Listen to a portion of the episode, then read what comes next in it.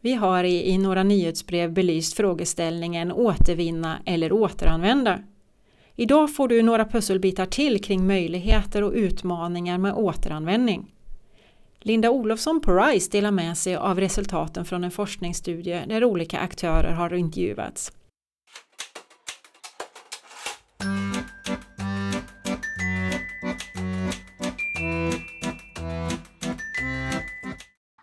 Möjligheter för eh, Second Life för elbilsbatterier det är ju dels för fordonstillverkaren att de kan få ut mer värde ur ett batteri som kostar ganska mycket pengar.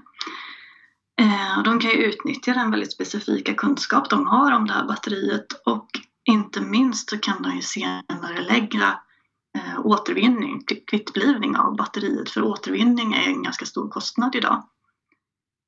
Ehm, det finns ju även stora möjligheter för nya aktörer att komma in och eh, skapa affärsmöjligheter med nya, nya segment.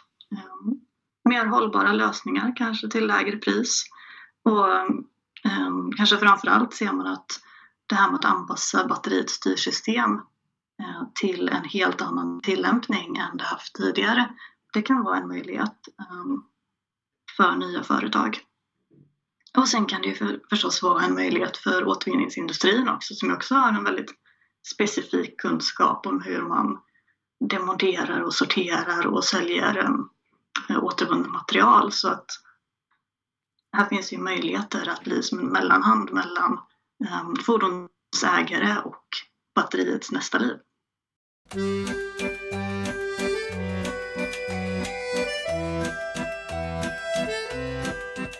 Jo, men för, för, att göra återanvändning mer, mer attraktivt. Det behöver ju inte bara handla om pris, även om det är givetvis en jättestor faktor.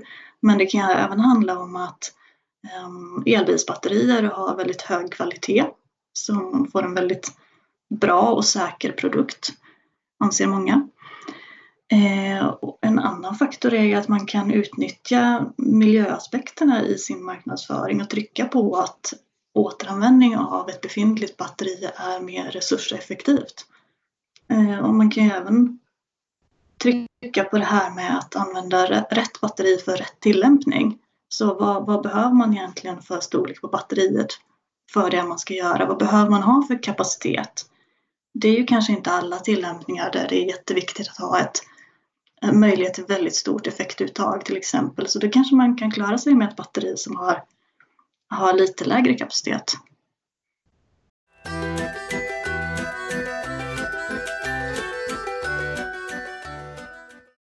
Ja, men vi såg jättemånga hinder eh, i olika, olika aspekter av batteriets Eh, liv.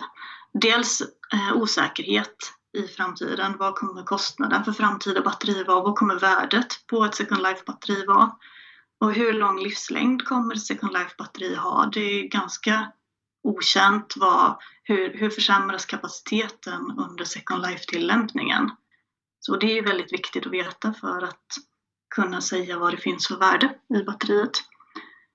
Eh, en juridisk fråga som är väldigt viktig det är hur, vad som händer med producentansvaret vid Second Life. För biltillverkaren har ju eh, producentansvaret för batteriet, alltså för att återvinna det eh, efter att det nått end of life. Men med en Second Life-tillämpning, eh, vem kommer då ha producentansvaret? Det är någonting som man måste klargöra. Eh, sen finns det många andra frågor också. Var är det mer värde i återanvändning än i återvinning? Både ekonomiskt men även ekologiskt. Vilket är bäst?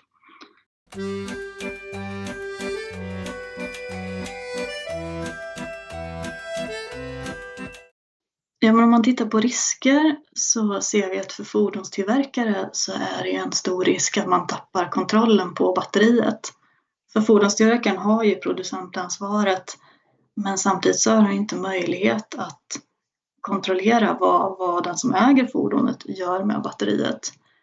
Eh, och även i situationer där man tar batteriet ur bilen och gör andra lösningar, som Second Life till exempel, så finns det ju en möjlighet att batteriet försvinner från fordonstillverkarens kontroll och då kan det ju vara osäkert om det kommer komma tillbaka till till återvinning, till det, det, det cirkulära flödet. Eh, när det gäller företag som jobbar med Second Life, energilagring och sådär så är en risk eh, osäkerheter i volymer. Hur, hur mycket batterier kommer det finnas? Vad kommer det vara för batterikemier? Vad kommer det vara för teknik? Det kan ju vara svårt att sätta upp någonting i stor skala om man inte vet hur framtiden kommer att utvecklas.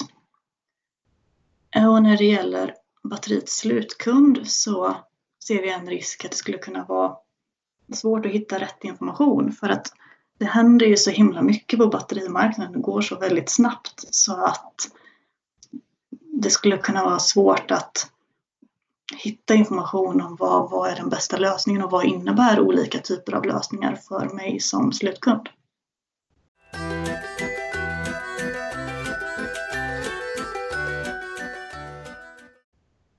Ehm, ja, det finns många forskningsfrågor som jag saknar. Ehm, och det, en av dem är kunskap om batteriets hälsa och batteriets kapacitet efter First Life. Eh, att veta vad, vad det är som man har att bygga ett Second Life på är jätteviktigt. Så att kunna sortera batterier och se vad, vilket batteri som kan gå till vilken tillämpning är ju väldigt viktigt. Eh, och att veta hur kapaciteten minskar under Second Life, det är också jätteviktigt. Det finns ju ganska mycket forskning, det finns väldigt mycket forskning på hur kapaciteten minskar under användningen i bilen. Men, men sen då? Eh, och det, det, måste man ju veta för att veta värdet och risken med att ehm, göra Second Life-lösningar. Och sen så tycker jag också att det vore viktigt att känna till om det finns några tillämpningar där Second Life inte alls passar av rent tekniska skäl. Eh, så att man inte försöker skapa lösningar som inte funkar och där är väl behovet helt enkelt pilot och demonstrationsprojekt som verkligen testar det här. Vi har ju sett att samarbete är väldigt viktigt och olika aktörer i kedjan har olika kunskap och det är mycket kunskap som behöver sättas ihop för att skapa Second Life-lösningar.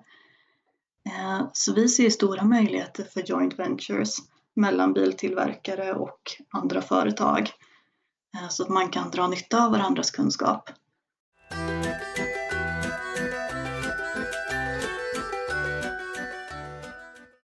Ett exempel på samarbete är ett projekt där uttjänta bussbatterier får ett andra liv i en bostadsrättsförening i Göteborg.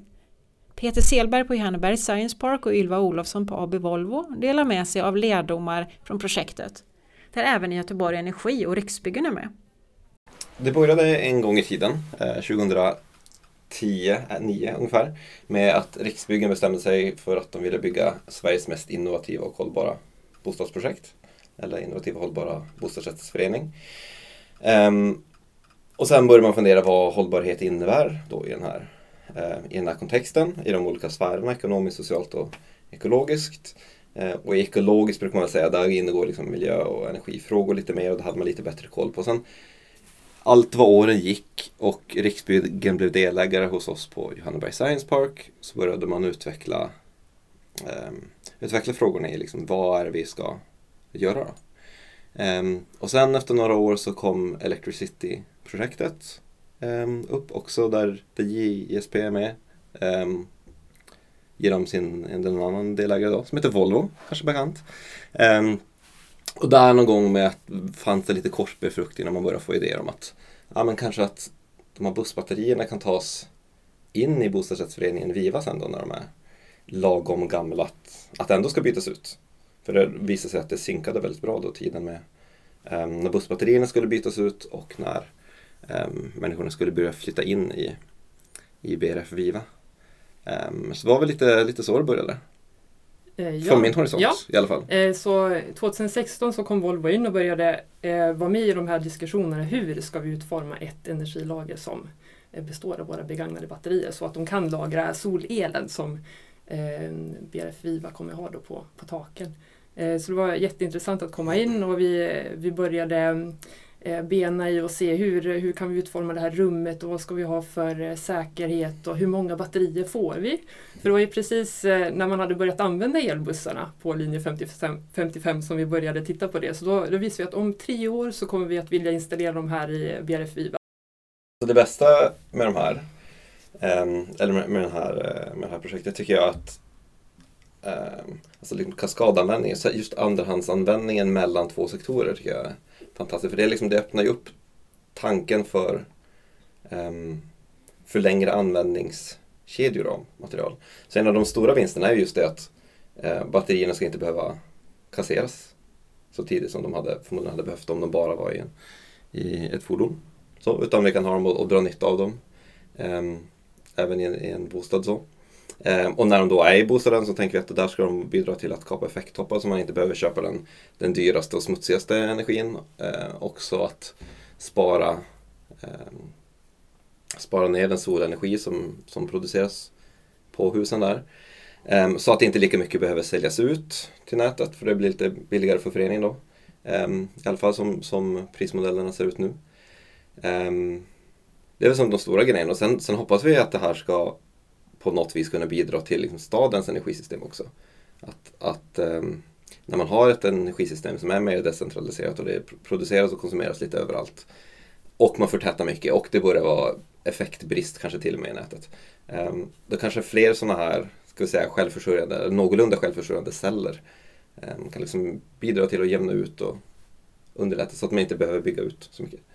Um, och det kan vara en fråga, det hör ju inte riktigt till just e batterierna men den här tanken, eller filosofin lever som vidare lite också att vi försöker um, hitta ett sätt att leverera kyla från Viva till, uh, till närliggande kontor.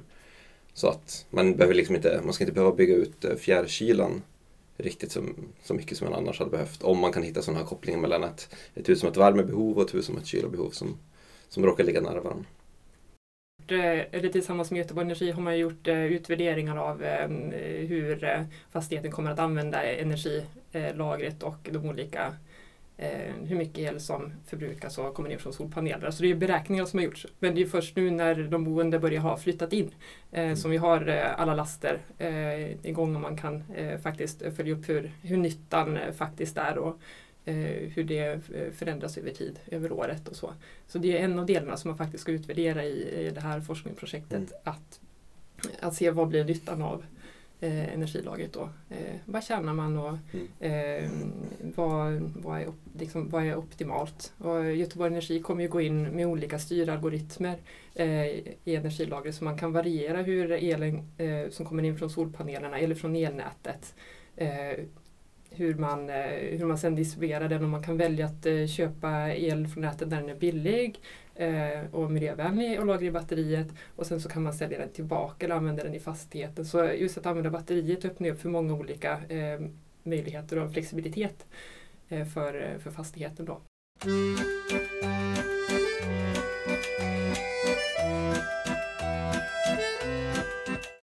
För att gå in lite mer på installationen så eh, sköttes det ju helt eminent av Göteborg Energi som eh, såg till att vi, vi pratade och fick med Volvos batterier och alla teknikaliteter där. Eh, säkerhet, eh, elinstallationsmässigt, det skulle in rördragningar, kylning, ventilations eh, eh, delar, ställningar, eh, liksom, eh, alla de här larmerna och allt. Och det, det sköttes, eh, alltså under ett par månader så eh, gjordes allting eh, till punkt och pricka och vi hade installerat batterierna och började driftsätta.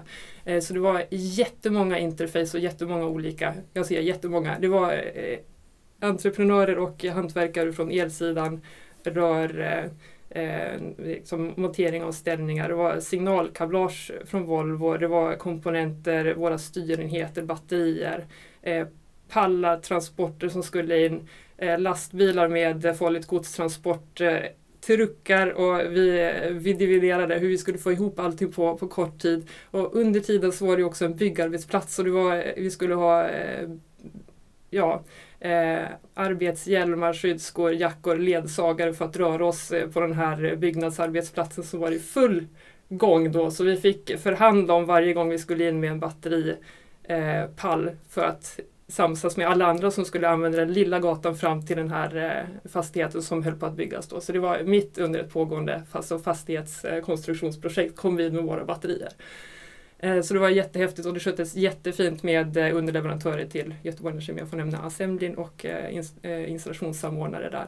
Jättesmidigt. Och vi möttes då från de olika företagen. Så Göteborg Energi, Volvo, Riksbyggen, Ehm, och Johannebergs Science Park. Och vi, vi, jag tycker att vi fick ihop det riktigt bra. Eh, och så kan man tänka att vi är inte vana att jobba i just de här frågorna tillsammans. Just eh, batteri och energilagerinstallationer. Men vi fick ihop det. Eh, så jag, jag, tror vi har lärt oss jättemycket från eh, respektive företag.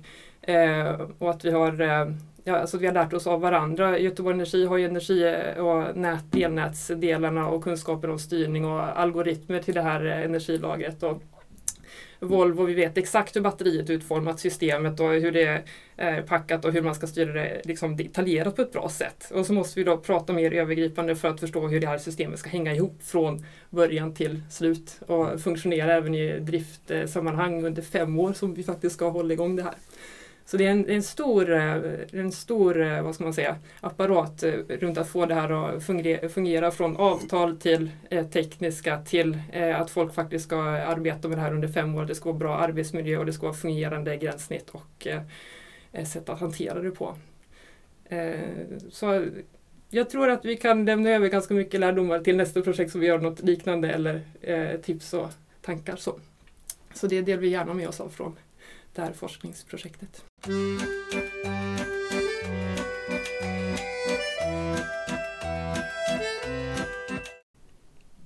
Har ni stött på eh, negativa aspekter på det här?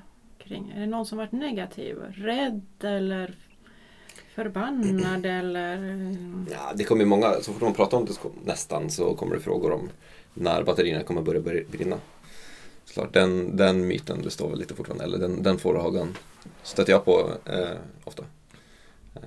Och man ska ju ha respekt för batterier. Ja. De har ju hög spänning och sen så har de, eh, de har ju inte lika eh, stort energiinnehåll som diesel eller bensin men det är fortfarande så att eh, i den här lådan så finns det beståndsdelar som eh, om de skulle eh, få hög temperatur eller fatta eld så innehåller det beståndsdelar för, för en brand. Och så. Men det är ju så att batteripacket, eller batteriet är byggt för att vara så extremt säkert det bara går. Eh, det är mekaniska inneslutningar, det är övervakning, det är eh, sensorer, det är temperatur och spänningar. Så man har hela tiden en liten dator som håller koll på allting. Mm. För de ska ju fungera säkert i ett fordon. Så det är säkerhetstänket, så fort man har att göra med energi så gäller det att innesluta den på ett säkert sätt. Och det har man gjort i samhället när man har hanterat alltså bränslen i vätskeform, alla typ, allt som innehåller energi måste ju hanteras på ett bra sätt. Så där har vi också batterierna då. Eh, så eh, om man går vidare då, så batteripacket eh, i själv, batterierna själva är ju gjorda på ett väldigt säkert sätt. Och sen i den här applikationen så har vi tänkt, nu gör vi forskning så nu gör vi det ännu säkrare. Eh, så då har vi dimensionerat upp så vi har brantklassade väggar och vi har eh, sensorer i rummet som kan fånga upp eh, antydningar till temperaturökning eller om det skulle vara rök eller gas. Så då, då stänger allting ner. Så i ett tidigt skede så ska man eh, kunna stänga ner eh, på ett säkert mm. sätt. Och, och särskilda ja. ventilationsspjäll rätt ut i luften och så, här, så ja, att det ska kunna precis. spridas inåt i fastigheten och sånt.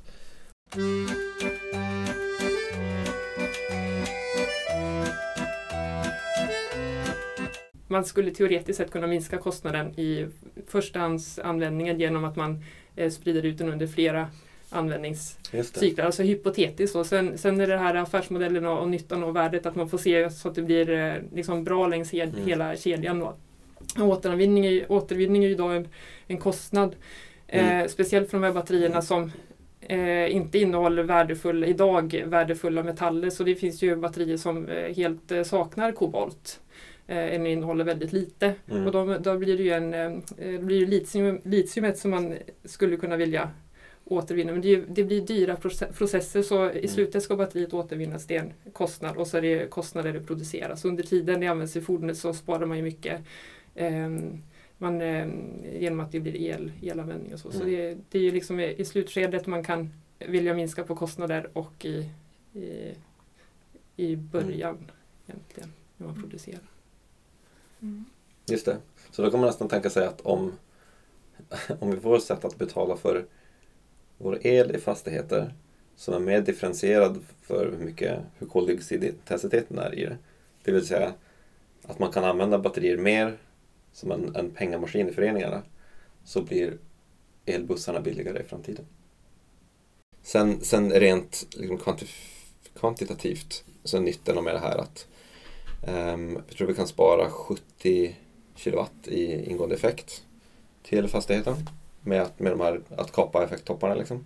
Ehm, och istället för att behöva sälja 20 procent av den egenproducerade solcellen utan ett batterilager så kommer vi nog ner i 4 procent. Ehm, så det, är ju som, det glappet är ju en, en, en vinst för föreningen, för föreningens ekonomi. Sådär. Så det här, kanske i framtiden så kan man också säga att eh, väl optimerade sådana här typer av eh, andrahandsbatterilager inte bara gör eh, elbussarna billigare utan även bostäderna. För att man liksom har en, en, ett bättre ska säga, driftsnetto under hela tiden. Att de, de står där och skapar pengar. Eller inte skapar en kostnad i alla fall.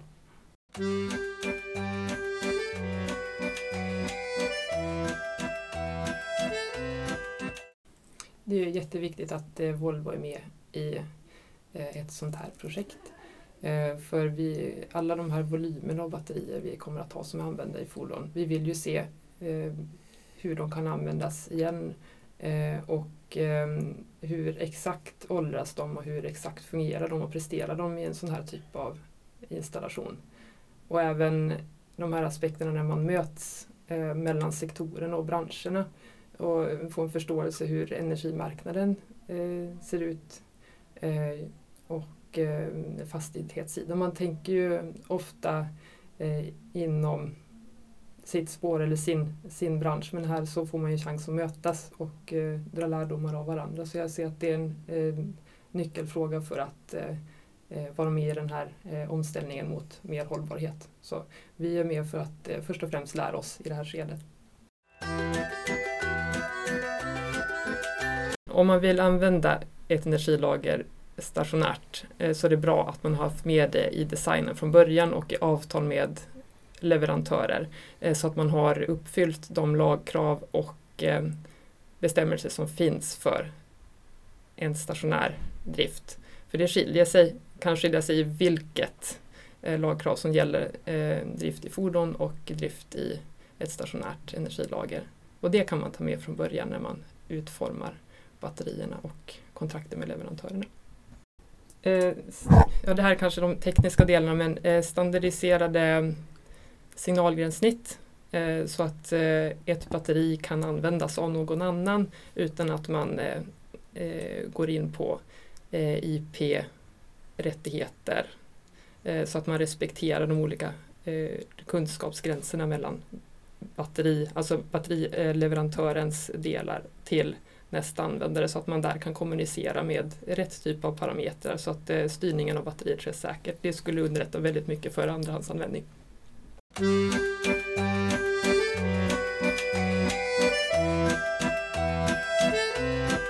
Kring vad som eh, hade behövts mer Eh, i form av standarder eller eh, regler, liksom stöd för om man vill göra det här eh, igen eh, så, så finns det ju en del eh, guidelines. Jag tycker det är ganska bra från respektive områden egentligen. Elsäkerhet, eh, sen kan det vara brandklassning. Det finns bra med kompetenser och kunskaper där från respektive fält. Eh, ventilation finns det också jättebra eh, kunniga firmor och kompetenser, även larm och så. Det jag tänker eh, är eh, själva sa alltså sammanställningen av alla de här delarna med eh, rekommendationer om vad som är bra just när man återanvänder fordonsbatterier eh, av olika eh, kemier och kanske en, eh, ett stöd om man, om man ska göra ett sånt här batterilager och ett batterirum. Att det här är bra att ha eh, kollat på. Eh, någon form av checklista, ventilation och så har vi brandklassning och så har vi, eh, det kan vara bra med separat access till det här rummet och eh, ehm, ja, eh, kanske utbildningskrav. Det är bra att eh, kolla så att firmor och hantverkare har koll på de här delarna som rör batterier och de här spänningarna som, mm. just med fordonsbatterier från elbussar är det upp till 700 volt så det går ju under ja, elsäkerhetsdirektiv där. Så eh, det kanske är en liten förenkling eller guideline som man vill göra det så att man vet det från början. Mm. Så om man bygger en fastighet vet att man vill ha batterier inne i fastigheten så kan man få, kan jag tänka att i ett idealt fall så får man stöd att välja placeringen av det här rummet. Ja, som du säger Ylva, de saker som är viktiga så kan det påskynda väldigt mycket.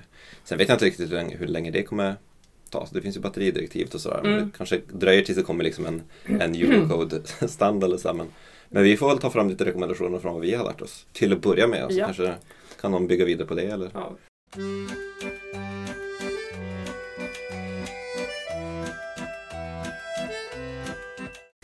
Det är fördelningen av eh, nyttan egentligen eh, från eh, batterierna. Där kan man ju också ta hjälp av andra som forskar på det. Men det är lite affärsmodellsdelen och var går gränssnitten mellan de olika aktörerna. Och till exempel ett eh, ägarskap av batteriet eller energilagret. Var hamnar det?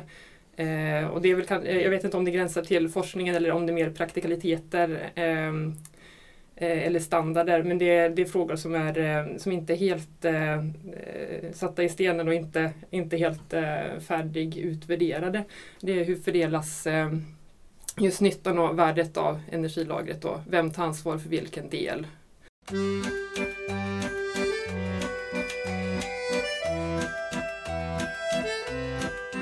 Om det nu visar sig så bra som vi tror så kan det till och med vara så att eh, andrahandsanvändningen ses som en ganska... Det blir liksom inte återvunna bussbatterier utan det blir batterier i den stationära delen av sin, sitt liv. Så kan man tänka sig att då får man börja anpassa lite hur de används i fordonen också. Eller tillverkas för att användas i fordon. Mm. Ehm, eller redan i fordonsskedet kanske man ska säga för att ehm, man ser liksom varje steg i livscykeln eller i användningskaskaden som lika värdefullt. Ehm, och det blir lite in- intressant jag när, när man börjar anpassa hur bussar ser ut för att det ska passa hur eh, bostadsrättsföreningar vill ha det sen.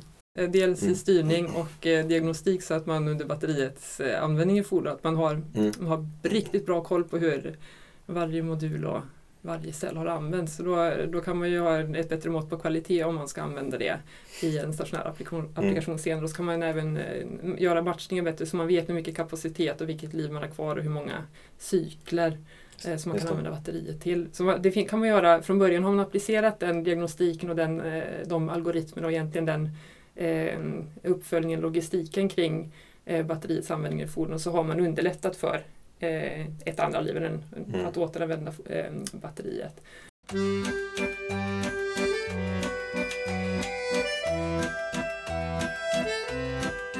Innebär det att man kommer kunna ha på kontrollpanelen på sitt fordon en lampa som lyser så här Blip! Nu är batteriet nog sjukt, nu måste du åka till en stationär applikation i några år. För det vore ju genialt. Eller blip! Nu har du kört alldeles för hårt, nu funkar det bara som eh, nödström i jag vet inte ifall det blir eh, strömavbrott någonstans.